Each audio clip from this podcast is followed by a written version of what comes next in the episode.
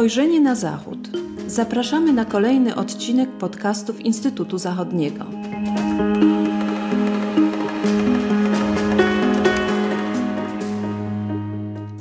Dzień dobry, z tej strony Agata Kołabunowska. Witam Państwa w kolejnym odcinku podcastów Instytutu Zachodniego. Jest dzisiaj ze mną dr Piotr Kubiak, analityk Instytutu Zachodniego, kierownik jednego z naszych zespołów Niemcy, Państwo, Społeczeństwo, Gospodarka.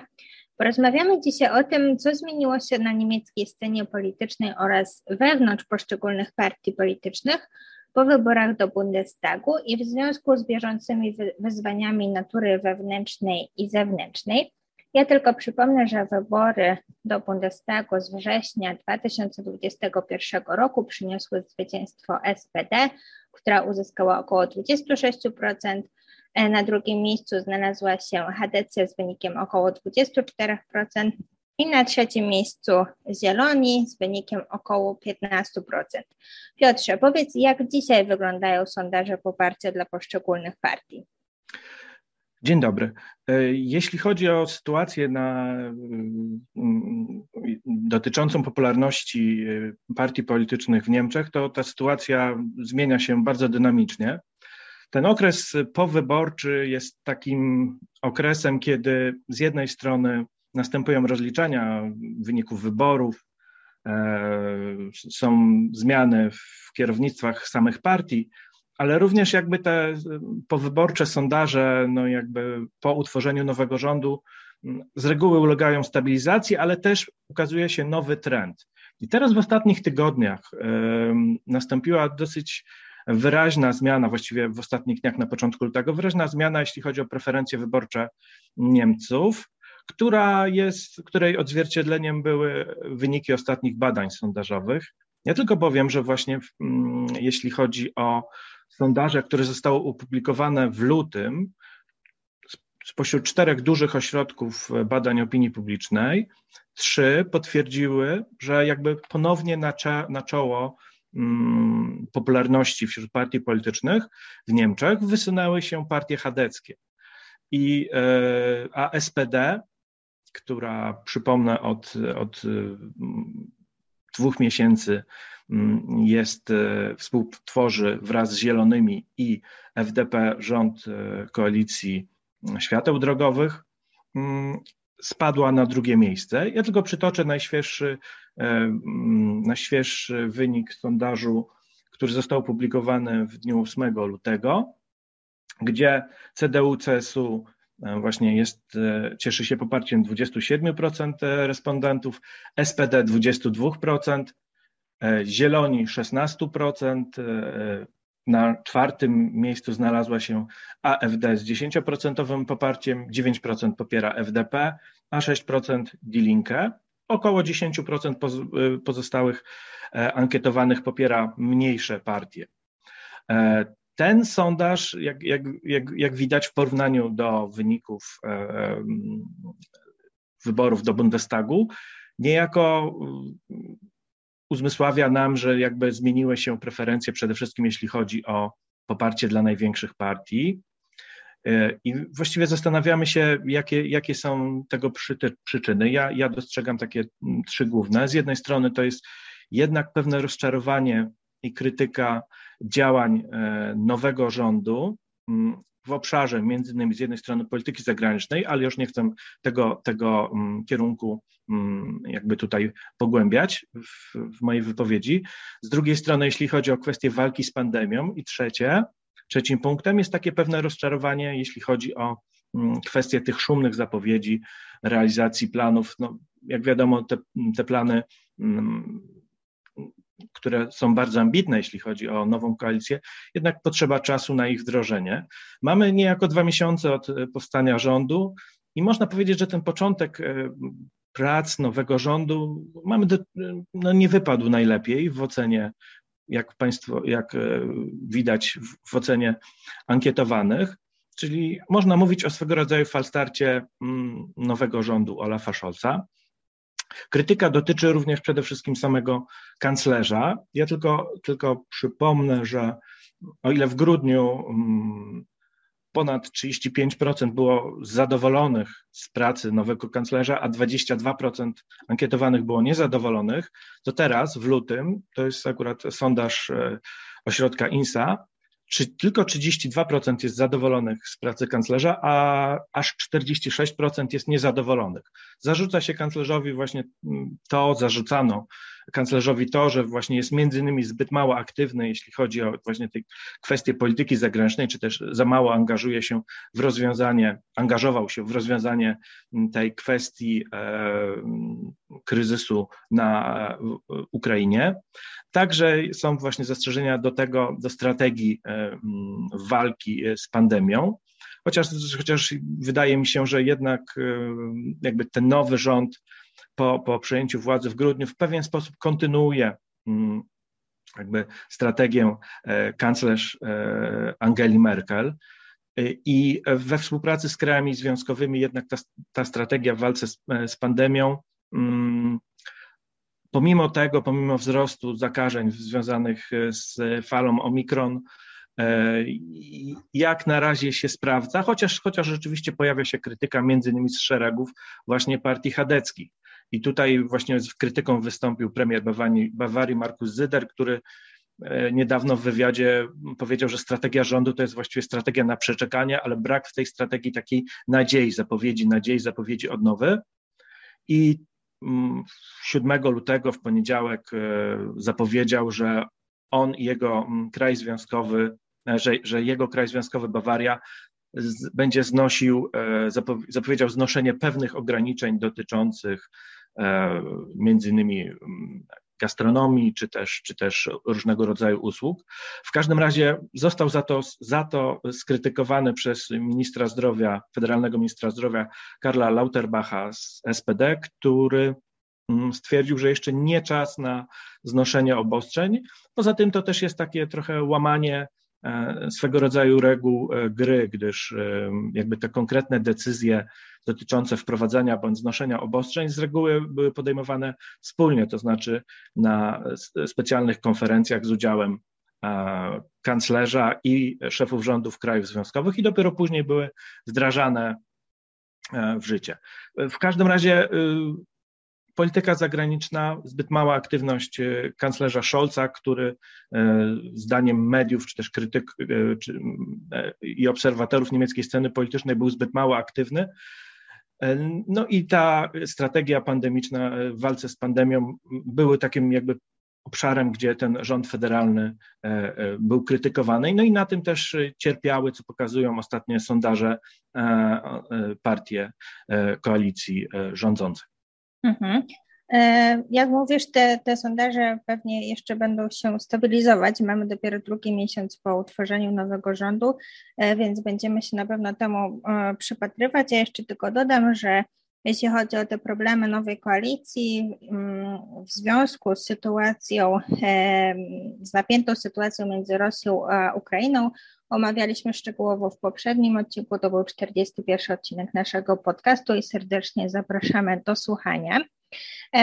Wróćmy teraz do tych e, przetasowań wewnątrz poszczególnych partii. Wspominałeś o tym, że po wyborach, po e, utworzeniu nowego rządu, no, trzeba tam było nieco posprzątać, zwłaszcza w SPD, która no, mm, teraz jest najsilniejszą e, partią w, w koalicji. E, wielu też prominentnych polityków przyjęło takie funkcje mm, ministerialne i tam e, do, doszło do wyboru nowych władz. Czy mógłbyś krótko powiedzieć, co zmieniło się w samej SPD?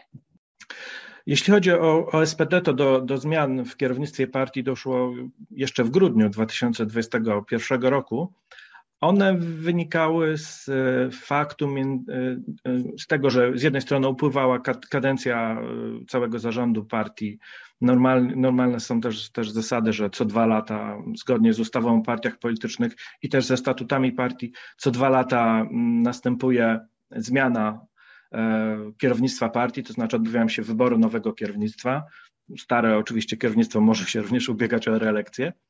I Ówczesny współprzewodniczący partii Norbert Walter Borian zapowiedział, że nie będzie ubiegał się o, te, o reelekcję na stanowisko e, przewodniczącego partii i e, jakby w jego miejsce wybrany został Lars Klingbeil, dotychczasowy sekretarz generalny SPD. On reprezentuje takie skrzydło, powiedzmy bardziej prawe skrzydło e, SPD, a druga współprzewodnicząca partii, czyli Saskia Esken, która e, jakby została ponownie wybrana na stanowisko przewodniczącej partii. Ona reprezentuje lewe skrzydło. I co ważne, jakby sekretarzem generalnym partii został wybrany w miejsce właśnie Klingbeila e, Kevin Kühnert. Jest to jakby reprezentant lewego skrzydła partii, były lider młodzieżówki JUSOS, młodzieżówki SPD i też taki bardzo aktywny przeciwnik poprzedniej udziału SPD w poprzedniej koalicji u boku partii chadeckich. Sam Olaf Scholz, y, zgodnie z wcześniejszymi sugestiami, jakby skupia się na pracy w rządzie federalnym i nie wszedł do ścisłego kierownictwa partii. Można powiedzieć, że jednak to jest y, w wypadku SPD, można mówić o swego rodzaju ewolucji. Tak? W partii jest zadowolenie z wyniku wyborów, ze zwycięstwa wyborczego, więc jakby takich dra drastycznych, dramatycznych zmian, jeśli chodzi o kierownictwo partii, nie było. Mhm. Najwięcej e, elementów w przeciwieństwie właśnie do takiej zadowolonej z siebie SPD, najwięcej elementów do wewnętrznej dyskusji miała, zdaje się, Hadecja ze, ze względu na swój, swoją spektakularną porażkę w wyborach. Mm, mówię, wspominałeś o tym, że teraz e, w, w sondażach wypada lepiej ale jakbyśmy mogli podsumować ogólnie, jak się ta partia ma dzisiaj, kto nią kieruje, jak tam wyglądały wewnętrzne przetasowania po wyborach, no i po tym dużym niezadowoleniu z głównego kandydata ówczesnego na kanclerza. No właśnie, w Hadecji mm, przez ostatnie właściwie mm, cztery miesiące od czasu wyborów toczyła się wewnętrzna debata z jednej strony nad rozliczeniami e, za wynik wyborczy i też nad wyborem nowych władz partyjnych. Tak? E, dotychczasowy zarząd e, partii chadeckich niejako po roku kierowania partią w pewnym sensie podał się do dymisji, tak? Czyli do, zamiast dwóch lat ta kadencja została skrócona rok, a ówczesny przewodniczący partii i kandydat partii chadeckich na kanclerza Armin Laschet y, zapowiedział, że jakby nie będzie się ubiegał o reelekcję na stanowisku przewodniczącego, ale chce pokierować wyborami. Mm, I te wybory kierownictwa mm, nowego, nowego przewodniczącego SPD, ale również kierownictwa partii odbyły się CDU, CDU. CDU odbyły się formalnie w styczniu, ale one zostały poprzedzone wewnątrzpartyjnym referendum. I to referendum jeśli chodzi o stanowisko przewodniczącego partii, wyraźnie wygrał e, Friedrich Merz, e, który uzyskał 60, ponad 62% e, poparcia wszystkich członków partii i był tak naprawdę jedynym kandydatem na przewodniczącego partii, którego, który, został, który został wybrany przez formalnie, bo tak, takie są wymogi statutowe, przez kongres partyjny 22 stycznia i on mm, uzyskał ponad 90, e, blisko 95% e, poparcia wśród e, delegatów na kongres partyjny. Wraz z Mercem Oczywiście musiano wybrać nowy zarząd, cały nowy zarząd partii, a więc wiceprzewodniczących, ścisłe prezydium, skarbnika i, i sekretarza generalnego. E, powiem tylko tyle, że jeśli chodzi o wiceprzewodniczących, to spośród pięciu wiceprzewodniczących tylko jedna, Sylwia Brecher, e, jakby zachowała stanowisko z poprzedniego zarządu. Mm, czworo pozostałych współprzewodniczących to są osoby e, nowe. Nowym mm, sekretarzem generalnym CDU został Mario Czaja, a więc E, który zastąpił e, Paula Cimiaka. E, Czaja był nominowany przez, przez zaproponowany, no nominowany przez nowego przewodniczącego Friedricha Merca. A więc w Hadecji, teraz właściwie w Hadecji, w CDU rozpoczął się nowy okres, okres rządów Friedricha Merca, który stał się teraz de facto liderem opozycji. On wkrótce też obejmie stanowisko przewodniczącego frakcji CDU-CSU w Bundestagu i też i no, można, można się spodziewać, że będzie ostro atakował partie rządzące. Sam Merz zapowiedział, że będzie że z jednej strony teraz Hadecja może mówić to, co chce, bo jest partią opozycyjną, ale z drugiej strony też zgłaszał gotowość do tego, mm, zapowiedział, że mm, CDU będzie gotowa w każdym momencie do przejęcia władzy, a więc będzie taką opozycją z jednej strony twardą, ale też w pewien sposób konstruktywną, która będzie pilnowała tej, tej e, prac i działań e, nowego rządu. A więc mamy, mamy zmianę, przyszedł nowy przewodniczący, przewodniczący, który był tak naprawdę wyczekiwany przez e, zwłaszcza delegatów niższego stopnia e, e, partii, członków niższego, niższego szczebla CDU, z którym naprawdę są wiązane wielkie nadzieje na odbudowę tego zaufania społecznego, które, które pod kierunkiem Laszeta straciła w, w ubiegłym roku CDU. I ten optymizm też się, też się w pewien sposób przele, przelał na, na, na te poparcie sondażowe, które, które mhm. wzrosło. Czyli e, w, w edycji faktycznie kompletna odnowa, można by powiedzieć, po tym spustoszeniu związanym z wyborami, ale też po odejściu kanclerz Merkel, e, które pewnie też się odbiło na mm, tej partii. Z jednej strony odnowa, ale z drugiej strony to są znane twarze. Friedrich Merz jest przecież politykiem już od wielu lat aktywnym. E, ciekawe będzie obserwowanie tego właśnie zachowania dalszego Hadecji w roli partii opozycyjnej. Wspominałeś o tym, że może mówić teraz to, co chce, z tym, że e, z naszych obserwacji też czasem wynika, że niestety to prowadzi czasem do podważania swoich własnych decyzji albo stawiania ich w wątpliwość, także to jest ciekawa sytuacja. Przejdźmy teraz jeszcze krótko do FDP i Zielonych. To są też partie, które mogą być zadowolone ze swoich wyników wyborczych. Czy tam się coś wewnątrz tych partii pozmieniało, odkąd weszły do rządu? Jeśli chodzi o FDP, to, to zmian personalnych nie było jako takich. Tam w grudniu odbył się, odbył się nadzwyczajny kongres partii, na którym zatwierdzono, zatwierdzono e, w, e, wyniki wyborów.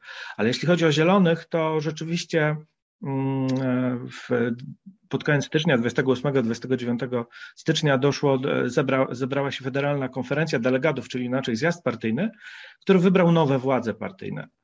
E, dotychczasowi mm, współprzewodniczący partii, a więc Anna-Lena Berbok i, i Robert Habeck, e, weszli w skład rządu federalnego i wcześniej już zapowiedzieli, że nie będą się ubiegać o reelekcję na stanowisku przewodniczących partii. To też wynika ze specyfiki zielonych, którzy, którzy niejako dzielą stanowiska kierownicze w partii ze stanowiskami we, we władzach e, e, w rządzie. Mm, tym, I wybrano nowych e, przewodniczących. Oni mm, Została nią z jednej strony Ricarda Lang, reprezentująca lewe skrzydło partii, i Omid Nuripur, który reprezentuje takie bardziej centrum, prawe skrzydło mm, zielonych. To jest, jeśli chodzi o, o panią Lang, to ona jest jakby ekspertką od spraw kobiecych, też, też była, e, e, też jest przewodniczącą tej kobiecej e, organizacji partyjnej. Pan Nuripur jest ekspertem od spraw polityki zagranicznej. Jak wiadomo, teraz kwestie polityki zagranicznej to są, to są bardzo gorące tematy w Niemczech. Można powiedzieć, że w Zielonych te zmiany jakby były przewidywane w związku z przejściem kierownictwa partii przewodniczących e, na e, stanowiska rządowe. E, I teraz, chociaż teraz bardziej w kierownictwie są, w ścisłym kierownictwie są reprezentowane silniej obydwa skrzydła, to lewe, bardziej radykalne skrzydło i to skrzydło prawe. Zostały nam jeszcze dwie partie. Die Linke, jeśli się nie mylę, a jeśli się mylę, to mnie popraw, nie, zmieni, nie, nie zmienił się tam skład osobowy na szczycie, natomiast um, ciekawym przypadkiem jest jeszcze AfD i jest to ciekawe o tyle, że wiąże się z ostatnim tematem, o którym chcieliśmy dzisiaj e, porozmawiać, czyli z wyborami prezydenckimi. W AfD spory były niemalże od zawsze i dalej, dalej się toczą. Jakbyś mógł krótko podsumować, jakie tam zaszły zmiany E, I dlaczego AfD wiąże się z wyborami prezydenckimi, co może zadziwić naszych słuchaczy? No właśnie, w AfD doszło może nie do samej zmiany, ile do rezygnacji w ogóle z członkostwa w partii jej byłego przewodniczącego Jurga Mojtena. Mojten już jesienią zapowiedział, że mm, w planowanym na grudzień zjeździe partii nie będzie się ubiegał o reelekcję na stanowisko przewodniczącego.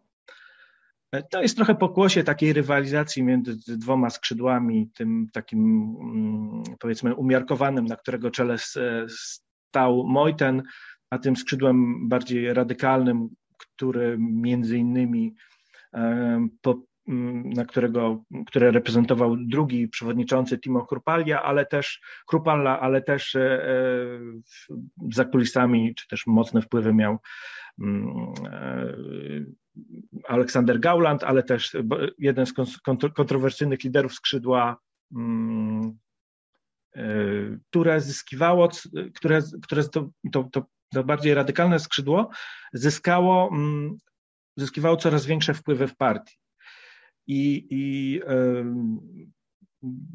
niedawno AfD zgłosiła, właśnie jeszcze pod koniec stycznia AfD zgłosiła swojego kandydata na stanowisko prezydenta federalnego do, na zbliżające się wybory e, na ten urząd. Maxa Otte jest to polityk, który jeszcze formalnie należy do CDU, e, ale właściwie z tej partii toczy się, toczy się niejako procedura jego E, jego Wykluczenia. wyrzucenia z partii. Tak? To jest bardzo mhm. kontrowersyjny polityk, e, który na przykład w przeszłości już jako członek e, CDU wzywał do tego, że, żeby zagłosować na AfD. Tak?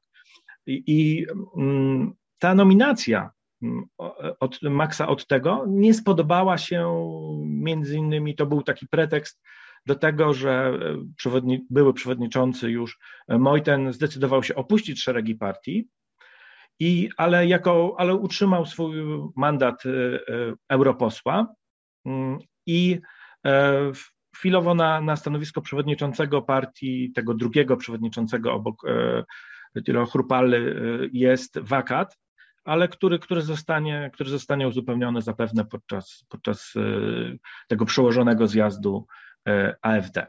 Mhm. Gdybyśmy mogli jeszcze troszkę zarysować kontekst co chciała AfD osiągnąć, wysuwając taką kontrowersyjną kandydaturę na urząd prezydenta i kto w ogóle kandyduje na ten urząd? I kiedy odbywały się wybory? Jakie są szanse na wygrane? Kto może wygrać? Wydaje, wydaje mi się, że AfD też no, chciała niejako pokazać, że, że chce wyjść jakby ponad ten ponad podziały i chce, chce jakby być takim centrum które, które ściągnie wokół siebie tych e, e, powiedzmy delegatów e, do Zgromadzenia Federalnego, którzy będą reprezentowali taki, taki prawą, prawą, prawą scenę, prawą stronę niemieckiej sceny politycznej. Niemniej jednak to też jest taki, taki no, swego rodzaju mm, sztyczek no, z Hadecji, tak, że jednak my wybieramy waszego polityka, który jest formalnie waszym członkiem, chociaż od te już właściwie od dwóch, trzech lat, zwłaszcza też po tym, jak został wybrany na, na, na przewodniczącego Werte Union, czyli Unii Wartości, e, jakby no, znalazł się na marginesie tej partii i e, na marginesie CDU i w ogóle wszelakie, wszelkie grona partyjne właściwie one się e, separują od niego. No, takim jest, stał się outsiderem e, w, w CDU, no ale to też taki przykład właśnie dla AfD, że no my ściągamy ludzi kolejnego, kolejnego polityka z CDU, tak, czyli że rośniemy w siłę. To jest jedna rzecz. A jeśli chodzi o kandydatów, to tak naprawdę mm, można oczekiwać, że już w pierwszej turze głosowania w Zgromadzeniu Federalnym, a tylko przypomnę, że Zgromadzenie Federalne składa się w połowie z posłów Bundestagu, których jest obecnie 736, i 700, e, a drugie 736 to stanowią przedstawiciele krajów związkowych, którzy są wybierani na podstawie pro, e, pro, proporcjonalnej w stosunku do uzyskanych e, głosów w wyborach krajowych, a więc mamy łącznie 1472 członków Zgromadzenia Federalnego. i większość bezwzględna wynosi 737, bo, już, bo, bo, bo, bo 36 jest pół na pół. Jeśli chodzi o kandydatów, to właściwie mamy czworo kandydatów, przy czym tak naprawdę najpoważniejszym kandydatem, który ma poparcie SPD, Zielonych, FDP i również CDU-CSU, e, to jest urzędujący prezydent Frank-Walter Steinmeier, który się ubiega o drugą pięcioletnią kadencję. Swoich kandydatów zgłosiły też, zgłosiła też partia, e, zgłosiły też następujące partie. Die Linke e, zgłosiła Gerharda Traberta, AF, wspomniana AfD Maxa Otto, Otte, Otte, od tego, a, a y, mm, Freie Wähler, czyli Wolni Wyborcy, a więc takie formacja reprezentująca przede wszystkim działaczy samorządowych, zgłosiła panią Stefanię e, e, Gebauer, ale tak naprawdę jeśli chodzi o wynik, to możemy się spodziewać, że już w pierwszej turze prezydent Steinmeier uzyska wymaganą większość głosów i, i tak naprawdę e, wybory kolejnego prezydenta, czy też, czy też właściwie tego samego prezydenta na następną kadencję to jest, to jest, na, to jest, e, to jest właściwie formalność. Mhm. E, bardzo Ci dziękuję Piotrze za przybliżenie e, tych wszystkich wątków. Zrobiliśmy taki swoisty przegląd wszystkich partii najważniejszych w Niemczech. Wierzę, że było to ciekawe dla naszych słuchaczy. Jeszcze raz dziękuję Ci bardzo za rozmowę. Państwu serdecznie dziękuję. dziękujemy za uwagę. Zapraszamy do słuchania kolejnych odcinków podcastów Instytutu Zachodniego. A aby nie przegapić żadnego z nich, to również zapraszamy do subskrypcji naszych kanałów. Do usłyszenia. Do widzenia.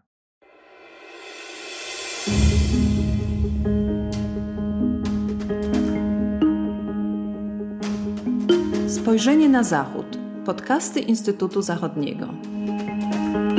Podcasty Instytutu Zachodniego dostępne są na platformach Spotify, SoundCloud i Apple Podcasts oraz na portalu YouTube. Zapraszamy do subskrypcji. Dzięki niej będą Państwo na bieżąco z wszystkimi naszymi nagraniami. Do usłyszenia.